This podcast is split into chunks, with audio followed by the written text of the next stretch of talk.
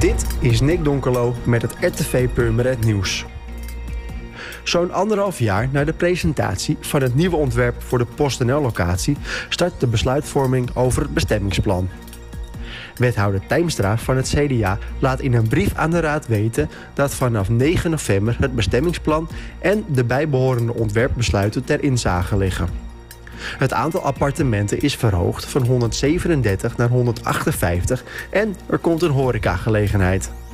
In tegenstelling tot het eerder aangekondigde aantal koopappartementen komen er nu 158, waarvan 44 in de middeldure sector en 114 in de vrije sector. De 21 extra woningen zijn toegevoegd aan de middeldure sector.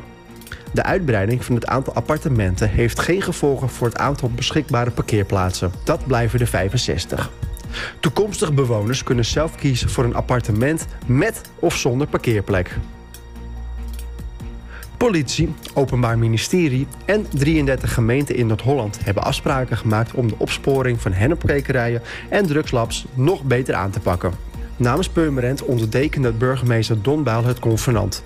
Andere deelnemers van het convenant zijn corporaties, netwerkbeheerders, drinkwaterbedrijven, waterschappen, omgevingsdiensten en intergemeentelijke sociale diensten. De coronamaatregelen hebben de capaciteit voor de inloop voor dak- en thuislozen aan de Zeevangstraat 2 beperkt tot maximaal 6 personen. Met de wintermaanden in aantocht is er een oplossing verzocht om de capaciteit uit te breiden. Deze is gevonden in het plaatsen van een verwarmde kas in de binnentuin van ongeveer 50 vierkante meter. Met inachtneming van de coronamaatregelen komt de capaciteit dan op ongeveer 18 personen.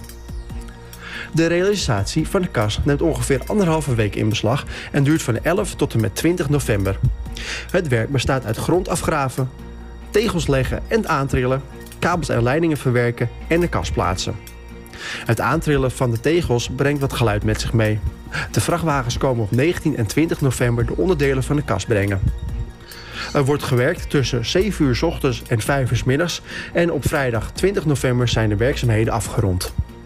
Voor meer nieuws, kijk of luister natuurlijk naar RTV Purmerend, volg je onze socials of ga je natuurlijk naar www.rtvpurmerend.nl.